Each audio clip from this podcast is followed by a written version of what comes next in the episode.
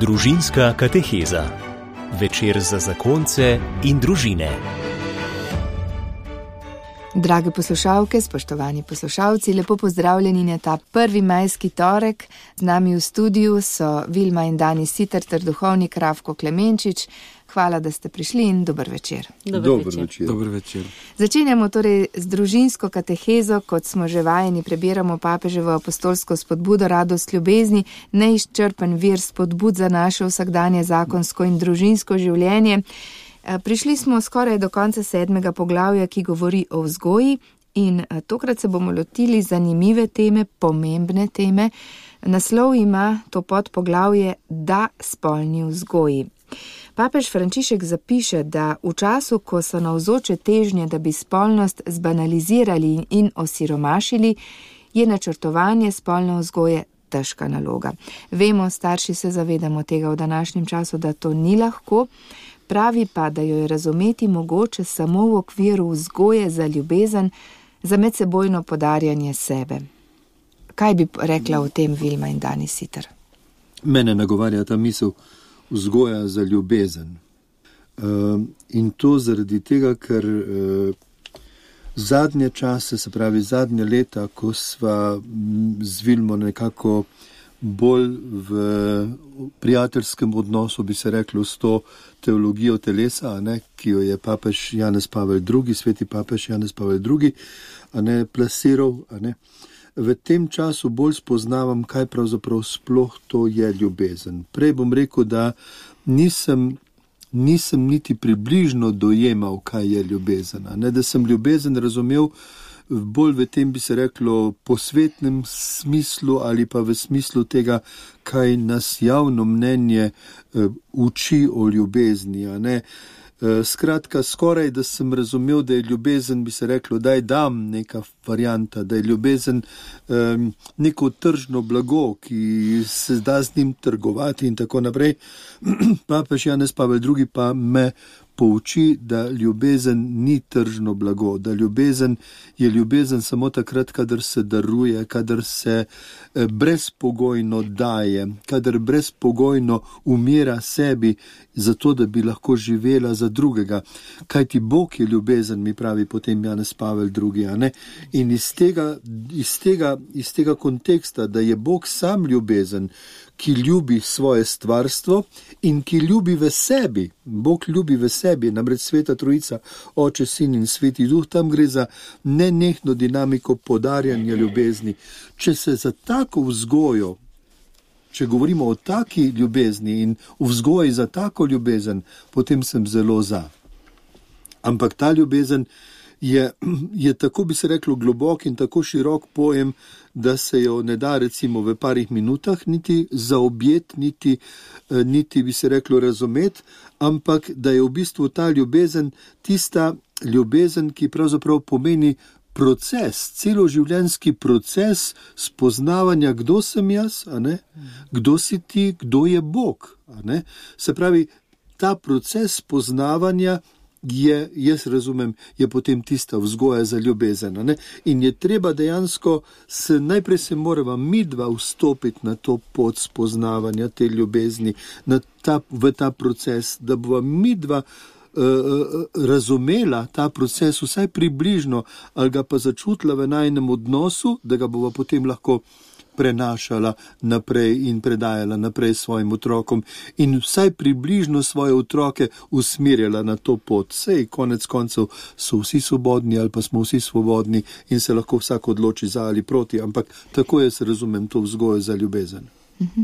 Vilma, mogoče. Ja, um, se mi zdi, da je bilo tukaj v naši družbi veliko zamujenega. No?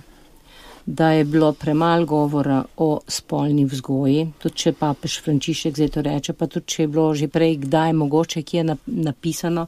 Dejstvo je, da je Janez Pavel II. začel o tem govoriti jasno, glasno, pisati o tem pred kolikimi leti? Tri, eh, 30. 30. Pa se še vedno ne sliši Skoraj v 40. Ja. cerkvah o tem, Ja. Se še vedno o tem javno ne govori, ker noben ni dost poučen, da bi se čutil sploh eh, nasproti tej javni eh, popul, Populistični rekla, populistični kulturi, ja, o spolnosti, ne, da, bi, da bi imeli razdeljene ene vrednote ali pa da imamo mi nekaj boljšega za ponuditi. Da imamo mi nekaj, kar je za mlade privlačno. Pa je dejansko privlačno, pa treba je to postaviti na piedestal, pa tega ne znamo kako. Tako kot je en rekel, crkva ima vse, pa ne zna postaviti svojega štanta. In se mi zdi, da prav na področju spolnosti je tukaj največ, največja katastrofa. Vsi vidimo, da tudi mladi, še tisti, ki so bili upeti v vem, življenje župnije, ampak ko enkrat začnejo odraščati, ko začnejo delovati hormoni, pa ker niso bili na tem področju poučeni, padejo in jih je potem sramiti nazaj v crkvu. Čistko. Ja. Največkrat se to dogaja. Zato, ker jih ni noben že dovolj zgodaj poučil o tem velikem daru, ki nam ga je Bog podaril. Še jaz sem rasla gor za idejo, da je spolnost pa ni nekaj lepega. Pa mi je bilo sram povedati eh, doma, pa, pa stari mami še posebej, da imam fanta. Eh, sem odsev tega janzenizma, pa te, tega dualizma, da duh je dober, telo je pa slabo, ne? je še vedno zelo močan v naši cerkvi in med našimi ljudmi. Mhm. In bo treba verjetno, da bo še veliko vod preteklo, predno bomo mi začeli o teh stvarih tako govoriti, da bodo tudi tisti zunaj kaj od tega razumeli, tako kot naj bi razumeli. Ne? Ker tako kot pravi tukaj eh, Frančišek, ne da moramo najti primernejšo govorico. Že, že samo izraze o spolnih organih se veliko, veliko krat uporablja na način, ki ni primern. Ne? In mi imamo primernejše takšne izraze, ki pa bi lahko, da bi se sploh lahko pogovarjali o teh stvarih. Tukaj moramo toliko vsi skupaj začeti razmišljati, skupaj starši, skupaj z mladostniki in, in duhovniki in z vsemi in narediti eno veliko stvar. Ker ja, tukaj naj bi bila ena zelo velika revolucija, ne, ki bi lahko rešila ta svet če bi se znali pogovarjati o teh stvarih na ta način, kot jih je Janez Pavel II. plasiral. Če bi znali spolno sprejemati tudi kot dar. Ja. In če pa ti sprejmeš dar, je pa potem normalno, za dar si lahko samo hvaležna. Ne? Če bi imeli, bi se reklo, tako v sebi, v srcu, eno tako držo hvaležnosti za, za to. Za to dostojanstveni dar, ki nam je bil dan, ker s tem v bistvu, s tem spolnostjo, bi se reklo, se, se zelo, zelo uh, potrjujejo tiste besede, ko pravi, da smo ustvarjeni po božji podobi.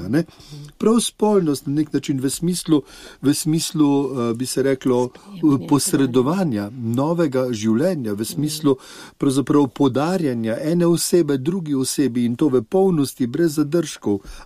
To je tisto, kar pravzaprav spolnost pomeni in ta božji dar pomeni.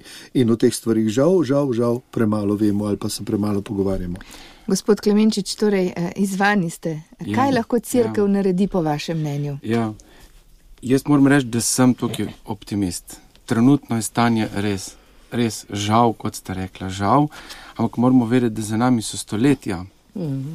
Za nami so stoletja, ko je tako nek sistem stal in ko, smo, ko nismo znali, ko smo veliko stvari zracionalizirali in smo tudi spolnost uvrstili v neke predalčke. In če, če malo pogledamo nazaj, znali smo dobro razložiti verske zadeve. Mhm. Vse, kar pa je bilo povezano, ali pa večina, kar je bilo povezano s telesom, s hrano, eh, s vsemi temi čisto materialnimi stvarmi, pa jih nismo znali razložiti globlje, ampak smo na mestu tega postavili pravilo. Uh -huh. Toliko centimetrov, ja, toliko ne. Uh -huh. Se pravi, pravilo samo po sebi nič narobe. Ampak če smo priča danes, nasprotna skrajnost, danes uh -huh. pa ni nobenega pravila več. Pravi, In jaz sem optimist v tem smislu, da če smo imeli spolno, tako imenovano spolno revolucijo v svetu v prejšnjem stoletju, ne, da bo prišlo do ene drugačne revolucije od znotraj, tudi v cerkvi na tem področju, ne tako množično tako in ne tako hitro, ampak se že dogaja. Hkrati pa, ko gledam otroke, mlade danes, mi vedno bolj pride naprej beseda mučenci.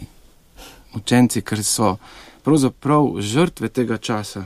Ne, so se rodili v ta čas, kjer jim svet ponudi, uh, ponuja eno podobo spolnosti, eno spolno vzgojo, ki se veliko krat osredotoči samo na zaščito, kot pravi papež, pred življenjem. Uh, da pa žal tudi v cerkvi jim nismo znali, tu si moramo ponižno priznati, nismo znali, uh, kot si rekla, dati nekaj boljšega. In danes je čas, prav čas, pri najbolj primeren za to, da mi lahko damo nekaj boljšega za jesti. In če bomo to dali, bodo ljudje jedli. To pa pomeni, da se začnemo resno izobraževati, da začnemo resno brati, mi duhovniki, pastoralni delavci in da skupaj druž, z družinami, da se drug drugemu pomagamo odkrivati to bogatstvo. Mhm. Mislim, da se kar precej tega se je že zgodilo v teh letih. Žal še ni to vidno, ampak sem optimist. Mhm. No, pa če gremo zdaj mogoče konkretno pogledati, kaj in kako storiti. Papež pravi, da je treba mlade, odraščajoče pravzaprav um, na pripraviti na neko kritično občutljivost do poplave ponudb. Vemo, da so danes, kot ste rekli, torej mladi naši učenci pravzaprav bombardirani z vseh strani. Na telefonu ima petletnik že možnost dostopa do pornografije, eh, televizija, računalniki in tako naprej, pogovori v šolah, dejansko so bombardirani. Kako jih opremiti, da bodo znali kritično razmišljati, pa tudi, da bodo znali Eh, reči ne določenim stvarem, da bodo znali se obvladovati, kar je težko pri teh letih. Papež pravi, ni prav, da jih hočemo napolniti s podatki, ne da bi razvijali njihovo kritično občutljivost do poplave ponudb, do pornografije brez nadzora in do množice držav, kot se rekla, ne moremo preprečiti teh avtocest, ki so zdaj speljane v, v domove, v spalnice, ampak nekaj pa lahko začnemo se o tem odkrito pogovarjati tu pa je preizkušnja za starše, se mi zdi. To je ta težji del. In eh, ko, smo, ko smo se že kdaj pogovarjali o tej stvari, dejansko prideš do tega, da vidiš, kako pomembna.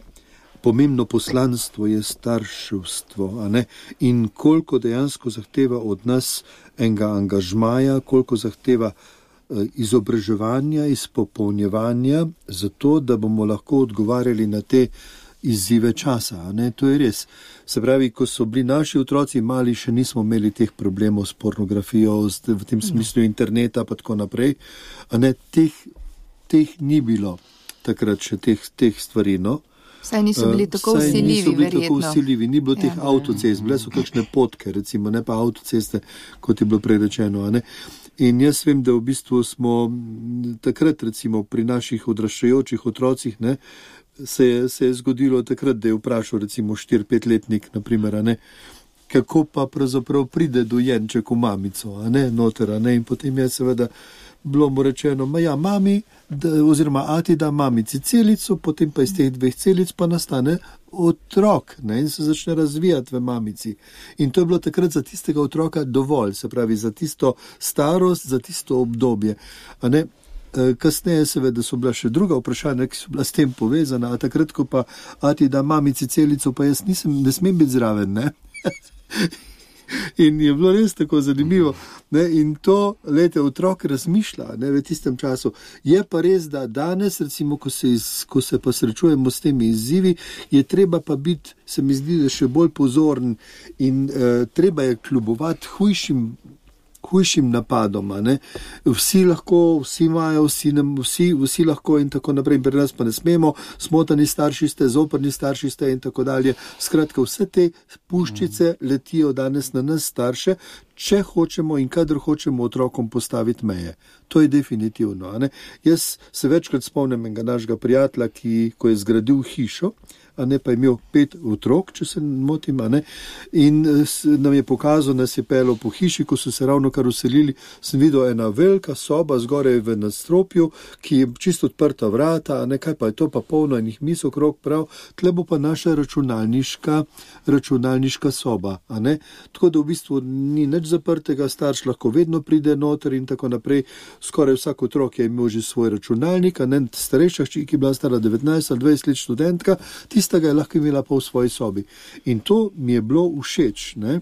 Zaradi tega, ker v bistvu ima starš še vedno v pogled, tako da nima otrok, mali otrok, 7-80 let star otrok, računalnika v svoji sobi.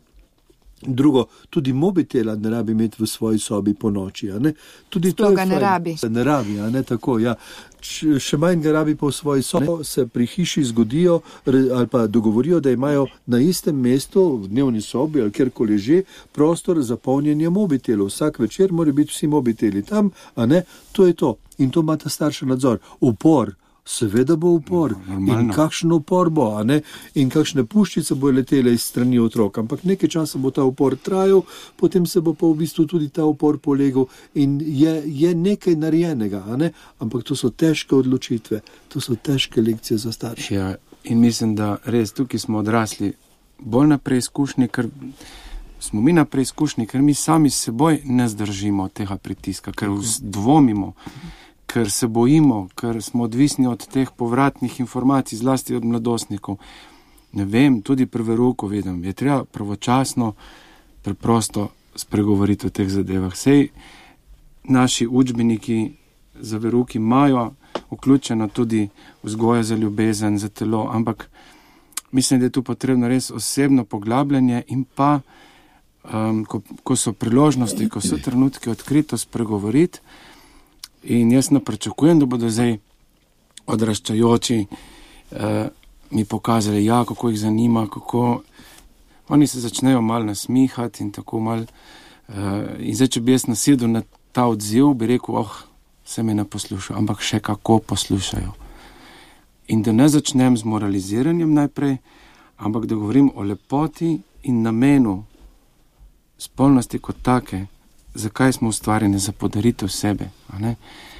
In moja izkušnja je, da mladi to slišijo. Ma tudi jaz, ko sem bil tako star, nisem pokazal takoj nazaj, da, ja, da pa razumem. In, um, preveč čakamo, se mi zdi, in preveč se bojimo. In premalo se poglabljamo v, v, v to, kar pravzaprav naša vera ima zapovedati o telesu in spolnosti. Ja, Vilma Sitar, eh, papež pravi, da mora informacija priti v primernem trenutku, tako mm. kot sta že rekla, kako sta mm. otroku petletniku razložila, pa potem verjetno sedem ali pa osemletniku drugače. Je pa danes žal se dogaja, da otroci izvedo stvari, preden bi bili zreli, da jih mm. dojamejo, kar je velika škoda. Jaz bi to enačila pravzaprav spolno zlorabo, kar vidijo kaj bi vi svetovali staršem v, tem, v teh situacijah? To, to je res in to je zelo, zelo res in verjetno se ne da temu izogniti, ampak je prav pogovor o teh stvarih tako bistvena. Ne? In se mi zdi prav zaznavanje otroka, kje je, ko prihaja domov iz šole, ko, vem, ko se ti ne upa več v oči pogledati in tako naprej. O tem smo že govorili. In se mi zdi, da se bi bilo potrebno razširiti te delavnice, ki so že v Sloveniji, hvala Bogu, ki so posebej za fantke, posebej za mhm. deklice, ki so ne vem od 8 do 12 let, takrat, ko se predn se začne telo res razvijati in kazati svoje znake odraščanja, pubertete, da se res, naprimer, mamice z deklicami odpravijo na eh, tako delavnico, kjer se na res na lep način prikaže ta, to vrednoto in to vzvišenost telesa to se mi zdi, da je pomankanje tega, da bi se pogovarjali o tej vzvišenosti, kako čudovito je telo ustvarjeno, pa naj bo to moško ali pa žensko telo. In se mi zdi, da to otroka nekako uh, tako o tem v tem tako, z, eni, z eno takšno z navdušenjem pripovedovati, pa eh, si res vzeti čas za to, da gresta tja. Že, že samo to, da gresta mamica pa deklica ja. skupaj nekam, pa tudi če se treba mogoče pelati mal dlje. Um, in da se tam potem dajo poučiti, oziroma je to tam, uh, mislim, da je prav skozi eno igro, skozi podobe, skozi sodelovanje, ne, um, to spoznavanje, kako je človeško telo res kot del narave, ki se razcveta, ki postaja lepo in vedno bolj tudi plodno in tako naprej. In se mi zdi, da ne bi smeli zamujati tega časa in v čim več primerjih te stvari organizirati in tudi, potr, in tudi uh, nekako podpreti te, ki to delajo, ki to organizirajo. Se mi zdi, da je pri nas pa še vse tako v vojih, tisti sploh ne morejo preživeti, ki se tega lotevajo, ker imajo toliko nasprotnikov, ne vem, če ne, ne od vseh. Ne? In um, se mi zdi, da, da tukaj bi bilo treba narediti velik korak naprej. No? Da bi mogli vsi spodbujati k temu. Pa mogoče svetujete tudi potem, če, ko se ne vem, udeležijo takšnih delavnic, da potem s temi se, srečanji, mogoče mesečnimi, mm -hmm. na dva mhm. meseca matih, či gresta nekam skupaj. Ja. Ne vem, ali ja. so to pač stvari, ki pa še o ženskam, moški, recimo nekam drugam. Mm -hmm. Tako je, tako. Ja. da se gradi ta pripadnost ženskemu svetu, ne? Ja. da ne vem, skupaj odkrivata to in da bi se te deklice zavedale svoje vrednosti, ja. kakšen ja. biser je to imeti žensko telo, pa tudi seveda isto za fantje, da bi z očetje odkrivali, kaj to pomeni ena moškost ne? in kaj to vse, vse vključuje. Ne, tukaj, ko govorimo o teologiji telesa, moramo vedeti, da nikoli ne gre tukaj samo za spolnost. Ja. Ampak da gre za govorico celega telesa. In ko govorimo o podarjanju in sprejemanju, ne, uh, naj bo to podarjanje učenje otrok na vseh nivojih. Podarjanje pomeni živim za drugega, živim za tebe, se tebi podarjam in namesto tega tebe nekaj naredim. Ne? Naprimer, ne vem, tam v Filadelfiji se spomnim, smo dobili eno tako idejo, da zakaj ne bi naredili en velik plakat, pa ve, veliko srce gor narisali in potem bi gor um, bratci in sestrice nalimali gor, kaj, kaj sem danes naredil za tebe, ki si moj bratec, sestrica ali pa tudi mama in oče. Ampak kaj neki iz srca naredim za tebe, brez da bi čakal plačilo, pa brez da bi čakal, zdaj pa upam, da tudi ti meni nekaj naredil. Ne? Mislim, da se že tukaj odpovedujemo in učimo tega ne manipuliranja, ne? K čemer so otroci nagnjeni, ampak te darovanske drže. Tega se mi zdi, da je mhm. čisto premalo, ker če se bo še že majhna deklica ali pa majhen fantek naučil te darovanskosti, se bo drugač tudi pripravljen potem tudi v spolnosti podarjati in bo pripravljen tudi več počakati, ker bo razumel, da mora spoštovati drugega ne, v tem uh, sprejemanju. Drugačnosti. Ne? Drugačnosti, ja. Mhm. Ena zanimiva beseda, povezana s spolnostjo, ki je papež tukaj izpostavi, je čud za sramežljivost. Danes je nekako sramežljivost podcenjena. Pravzaprav, če si sramežljiv, je kot nek negativen prizvok ima. Eh, tukaj pa je papež izpostavlja kot pozitivno. In, in kaj pravi, um, gospod Travko Klemenčič, kaj pravi, da se zgodi brez sramežljivosti? Ja, sramežljivost ima res danes negativni prizvok, nekaj zaostalosti dejansko pa je sramežljivost nam dana, da bi nas, da bi varovala, kot pravi, notranji svet. Je neka varovalka, ki me varja pred tem, kar se tako rado zgodi, namreč, da bi drug, telo drugega postalo predmet, ali pa moje lastno telo postalo predmet. Ne? Kot recimo primer, ne, če se žena tušira, ženska tušira in vstopi nekdo, njena reakcija je kaj v bistvu.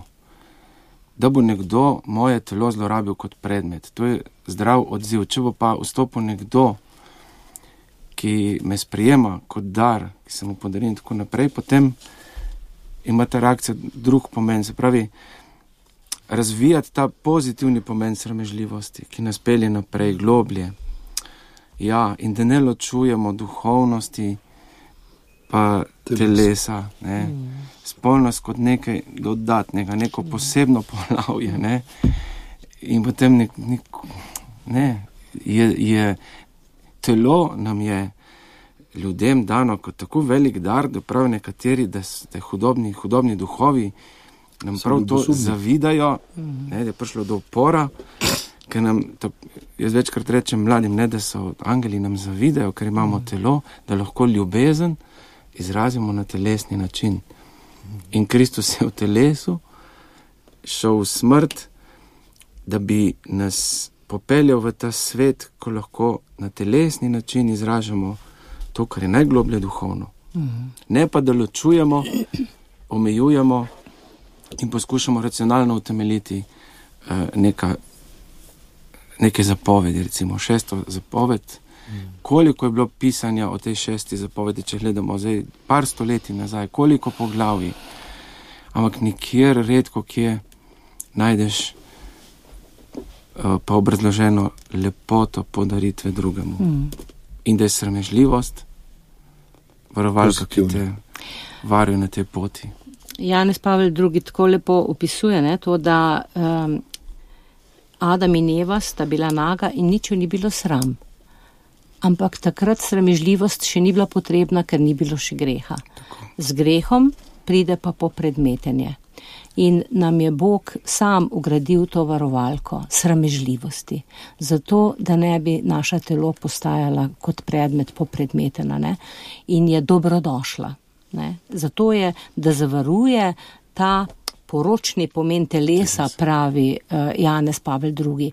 Ker poročni pomen telesa pomeni samo to, da je Bog naredil žensko in moško telo z jasnimi znaki, da, se moško, da je moško telo narejeno za podarjanje in da je žensko telo narejeno za sprejemanje.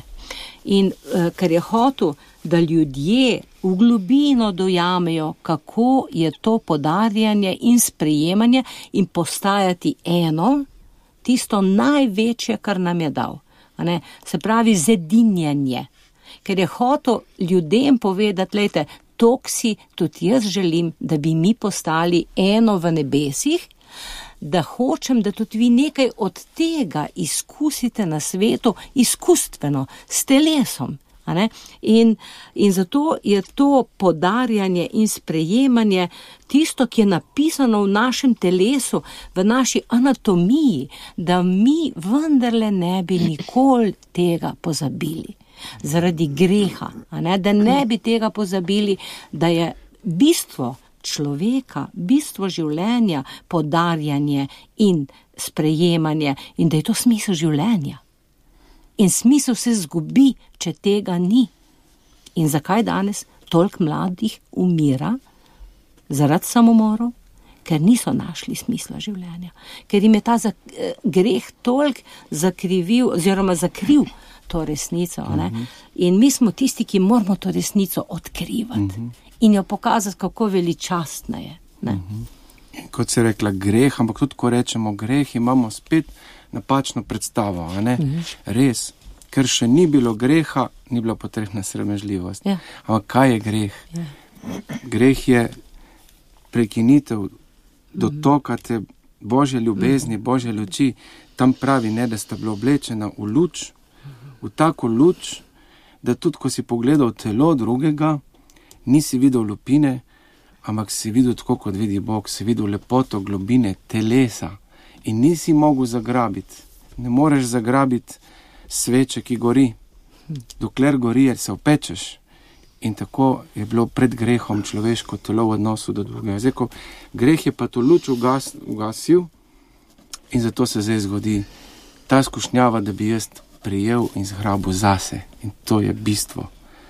Zato nam je potrebna ta nova luč, ki pa mi najdemo v Kristusu. Se mi zdi, da treba to podariti, ker se čujem veliko mladih ljudi, kot si prej rekla, ki so padli, ki so se oddaljili, ki so bili zelo ranjeni, zelo rabljeni, razočarani in so potem čutijo, ker so bili, bili krščansko vzgojeni, morda zelo močno vzgojeni, krive, da so nevredni in se ne vrnejo v crkvu. Tu je pa, tu je pa tisto, kar smo že večkrat tudi govorili, ne, mogoče tudi tu na radiju, Mhm, smo, ja. o tako imenovani drugi nedožnosti. Ne. To, je pa ta, to je pa eno tako, bi rekel, veselo sporočilo, tako polno upanja sporočilo, ne, da če tudi se tako zgodi, kot si rekel, se pravi. Mladi zaradi nevednosti, zaradi nepoučenosti, zaradi vseh teh vplivov, vrstnikov in tako naprej javnega mnenja, ne padejo recimo na tej poti ne, in enostavno zgubijo, zgubijo to dostojanstvo in potem se čutijo krive, se čutijo, bi se reklo, osramočene. Tukaj je vprašanje odsotnosti sramu, tukaj gre za osramočenost, recimo, kar je jaz razumem nekaj drugega. Ne. In v tem, smislu, v tem smislu je potem. Aha, in se potem na tej poti zgodi, da se mladi človek vendarle sreča z resnico, z veliko začetnico, sreča s Kristusom, sreča z Bogom, da doživi izkustveno en božji dotik. Ne, e, v, recimo, ne bo to v spovedi, kjer doživi izkustveno, da Bog mi je grehe izbrisal in se ga ne spominja več. In v tistem trenutku ima mlad človek to edinstveno priložnost in to je res tak privilegij, velika priložnost, da lahko reče: Glej, odločam se od zdaj naprej za čistost do zakona. Če tudi je bilo že zakonu. ali pa v zakonu, recimo, ampak odločam se od zdaj naprej za čistost, a ne se pravi odsotnost, bi se reklo, tega posedovanja, odsotnost, bi rekel, tega malikovanja ali pa popredmetenja spolnosti, recimo, ne bo to, kot si rekla, v zakonu, ja, in se odločam za to, da želim živeti, recimo, to darovansko držo v spolnosti. In te, temu se reče potem druga nedolžnost, second virginity, pravijo, recimo, a ne. In ta, za to drugo nedolžnost se mnogo, mnogo mladih odloča. Mi dva sva vsaj srečala se s parimi takimi gibanji, eh, ki so recimo ali v Ameriki ali pa v zahodnem svetu začela se ta gibanja, kjer so se mladi odločali potem, da ob vstopu v to novo fazo življenja naredijo štiripartitno zavezo. Zavezo s seboj, se pravi, jaz ostajam sebi zvest v tej moji odločitvi, zavezo z, z starši, starši ste me učili drugače, jaz sem mi rekel, šel po svoji poti, zdaj se odločam, da grem po poti, katero ste mi recimo vi želeli, a ne. Zavezo z Bogom, Bog ti si me srečal na tej moji točki življenja, zavezo sklepam s teboj, da želim poslušati tvojo besedo in se in se ravnati po njej v svojem življenju, in zavezo z bodočim sozakoncem, z bodočim partnerjem. Ne? Glej, tebe ne poznam morda še danes, če tudi te ne poznam, odločam se, da od danes naprej želim živeti čisto življenje, zato da se ti bom lahko podaril ali pa podarila v, v, v svobodi in v čistosti in v celoti. No, in prav obratno od tega, kar ste sedaj govorili, pa je uh, družba, ki pa pravzaprav ponuja, kot ste že prej rekli, samo zaščito za varen seks uh, in nekako neodgovorno, pravi papež, vabi mladostnike naj se igrajo s svojim telesom, s svojimi poželeni, kakor da bi bili zreli ljudje. Torej, um, nekako jih že navajajo na to popredmetenje, o katerem smo govorili. Se pravi, ne izpostavijo lepote spolnosti, uh, dajo jim samo kot v bistvu instrumentalizirajo spolnost. Nasprotje te namena podaritve spolnosti je potem ego. Ne? Jaz preko istega, po, po ist, ja, preko telesa, preko spolnosti rešujem svoj lasten ego. Tudi sodobna kultura to propagira. Jaz sem v središču, medtem ko je bistvo spolnosti je drugi. Ne? drugi. Bistvo razodetja Boga tudi v telesu, ne Jezusa Kristusa, je drugi, drugi, središčen drugi, medtem ko v tej kulturi sem jaz, ne? tisti, ki zadovoljujem svoje potrebe, ki rešujem svoje težave. In tukaj spet mislim, da ni drugega odgovora, kar smo prej rekli, ponuditi boljšo hrano in začeti se pogovarjati. Gostijo na mesto fast food. Tako. Ja, ker spolnost, ne, ko smo že prej imenovali dar, ne, velik dar in velik privilegij. In če je kaj od Boga pride, tisto je sveto, spolnost je sveta. Se že Janez Pavel II. rekel: Poglejte, kaj je danes v svetu najbolj razvrednoteno in boste videli, kaj je pri Bogu najbolj sveto. spolnost je najbolj razvrednotena. Ne? In kot le omenja papež Frančišek, omenja to zaščito, a ne na, potem na koncu tega razmišljanja pravi, kot da bi bil otrok sovražnik, pred katerim se je treba zavarovati. Otrok ne more biti nikoli sovražnik. Otrok je vedno lahko samo sad najne ljubezni, sad najne podaritve. Recimo, je otrok, v vsakem primeru je otrok zaželjen od Boga in je dar in je novo življenje, ki je božji dar. Vprašanje je, kdo je tu sovražnik. Sovražnik je pa lahko tukaj, recimo, samo tako, kot si rekel, ta moj osebni ego, recimo ta moj napuh, ali pa ta moja na nek način nenasitna želja, potem, da bi v bistvu zadovoljil svoje, svoje bi rekel, svoje eh, nagon ali ne, željo po spolnosti.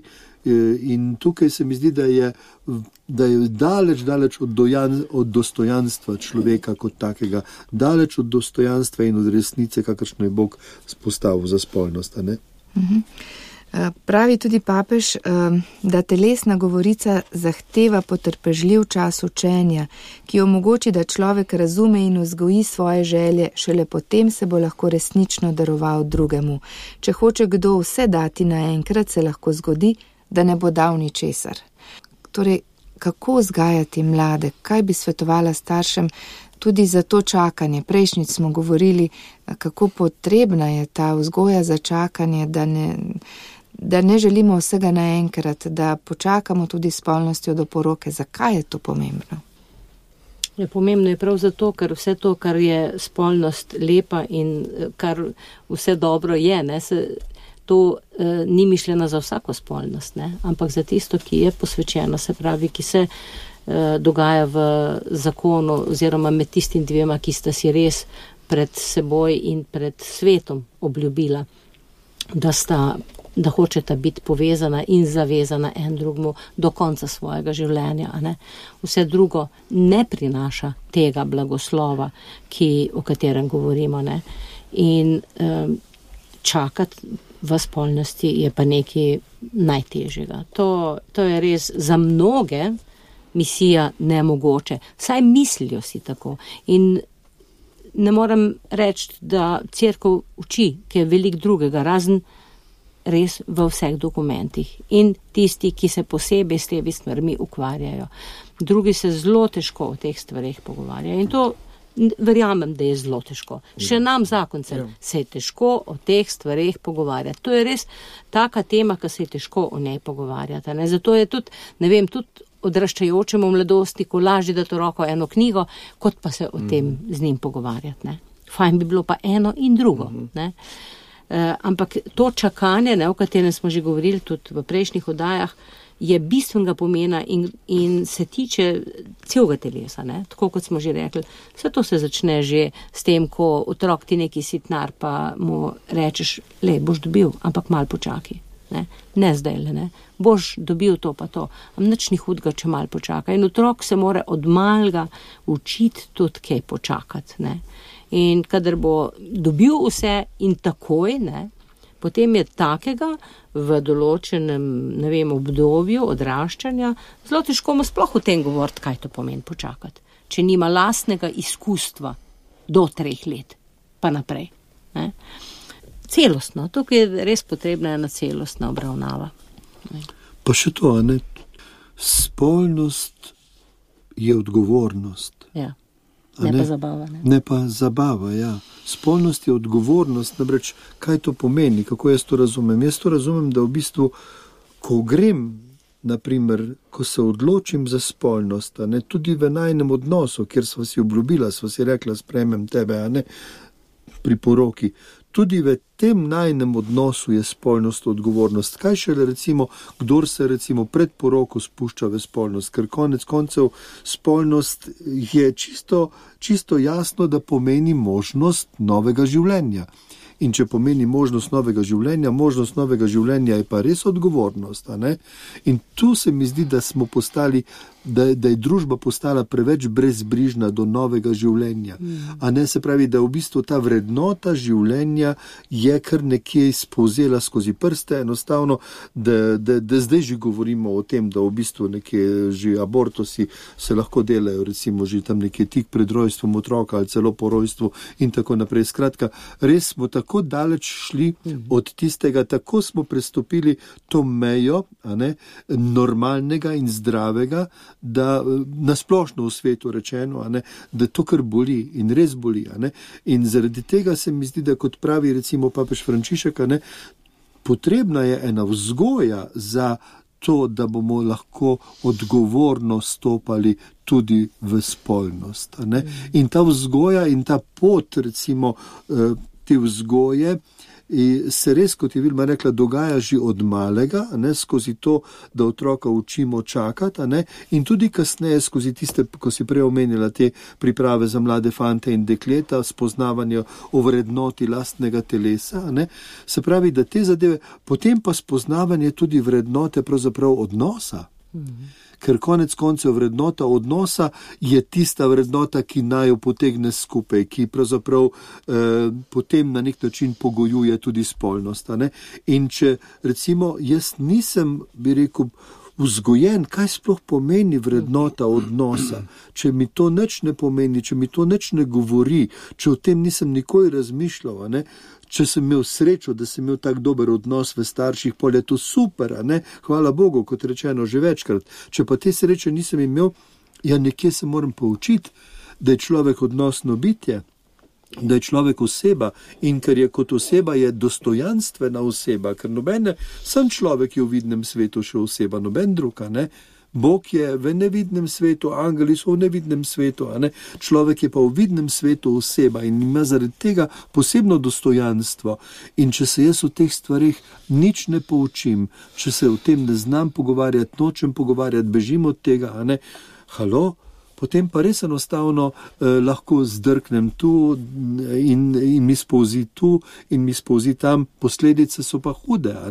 Vse vemo, kakšne so posledice, recimo eh, tudi psihofizične posledice, psihične posledice mater, ki delajo splave. Se o tem se danes že kar nekaj govori, recimo. Ne?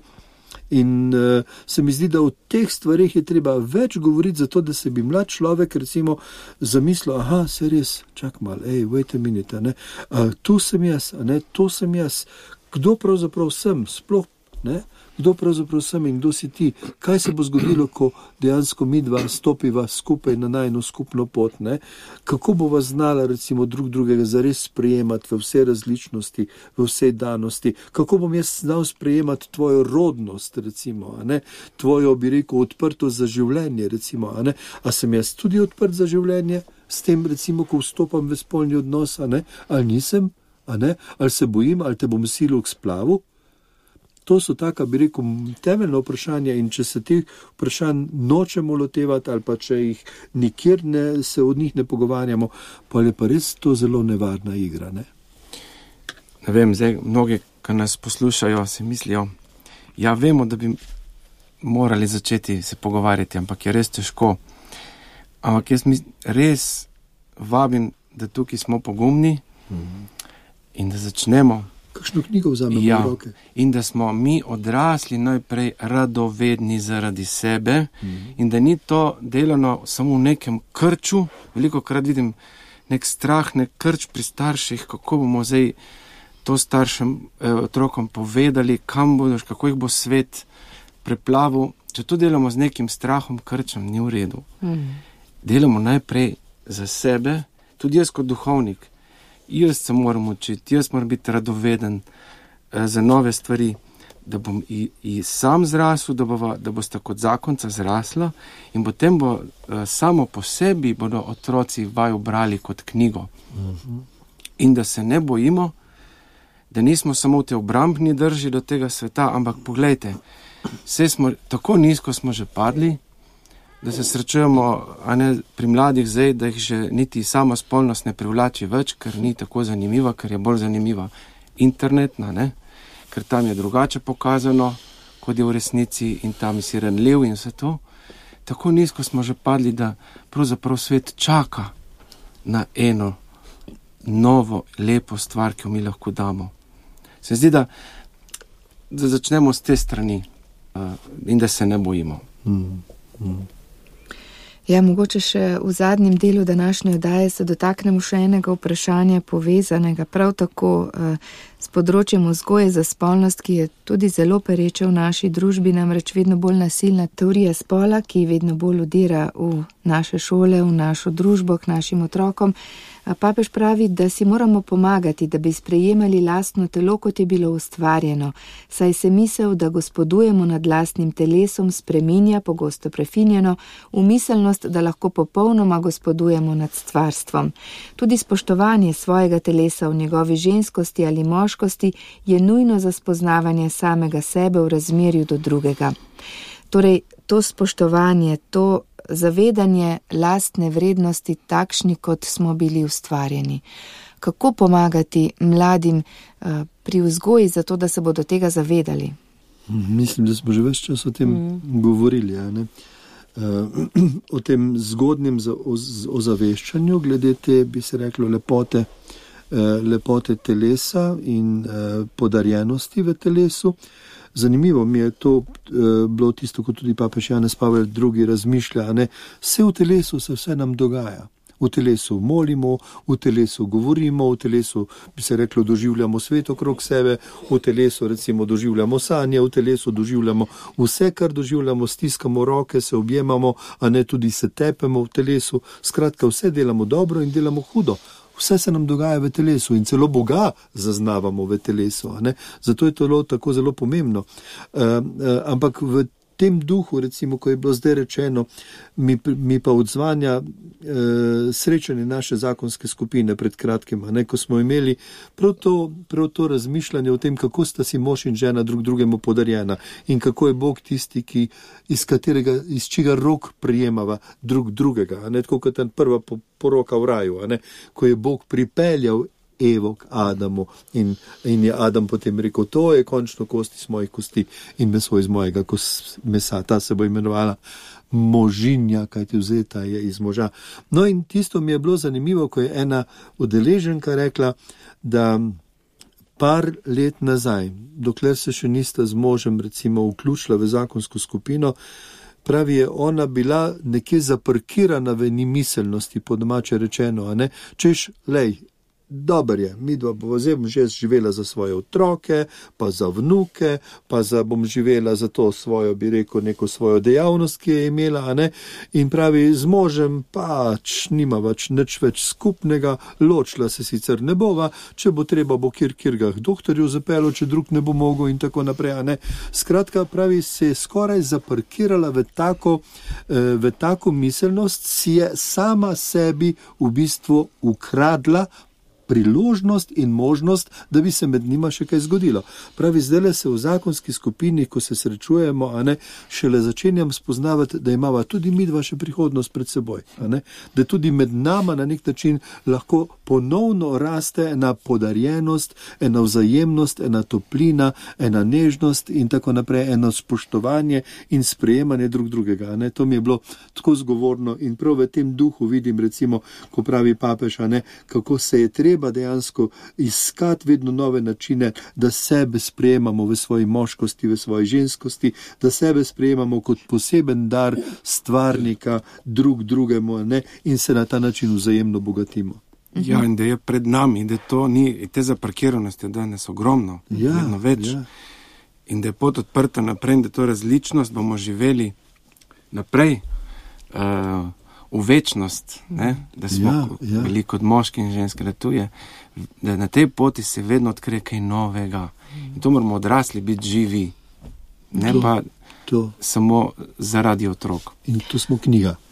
Mi se zdi zelo lepo, no, da če že govorimo o tem, kako to predajamo otrokom, ne, eh, že sem to ženskost, eh, jaz seveda govorim kot žena, ne, kot ma, mati, ne, eh, da mati že svojim odnosom do svojega telesa pokaže dekletom, ali je vredno žensko telo ali ne.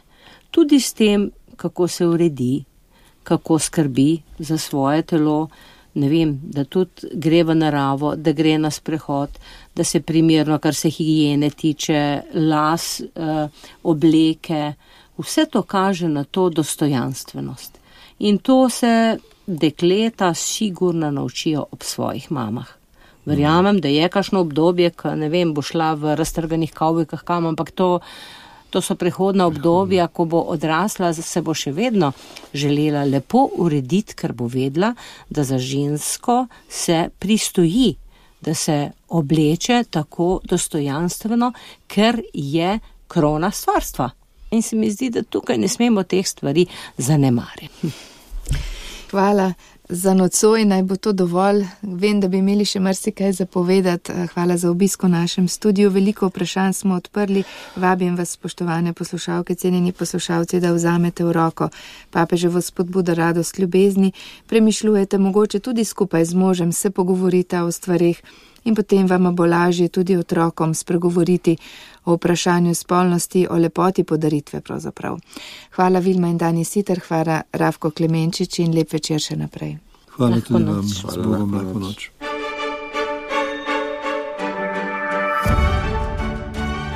Na radiju Ognišče ste poslušali družinsko katehezo.